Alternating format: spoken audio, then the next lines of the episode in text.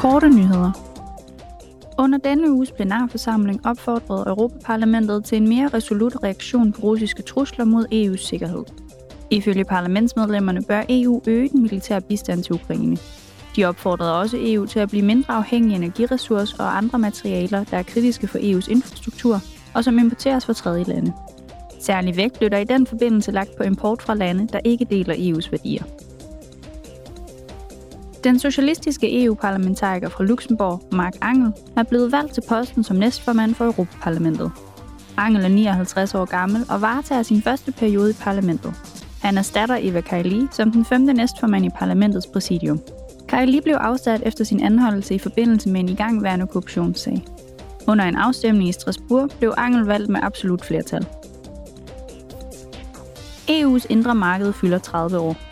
Det er fortsat et af EU's største bedrifter og et vigtigt redskab til at beskytte mennesker og virksomheder i krisetider. På plenarforsamlingen vedtog parlamentet en tekst, der skitserer de mest presserende udfordringer, som det indre marked står overfor i dag.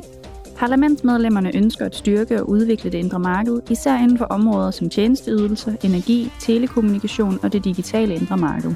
Derfor opfordrede de til en handlingsplan for 2030 og frem.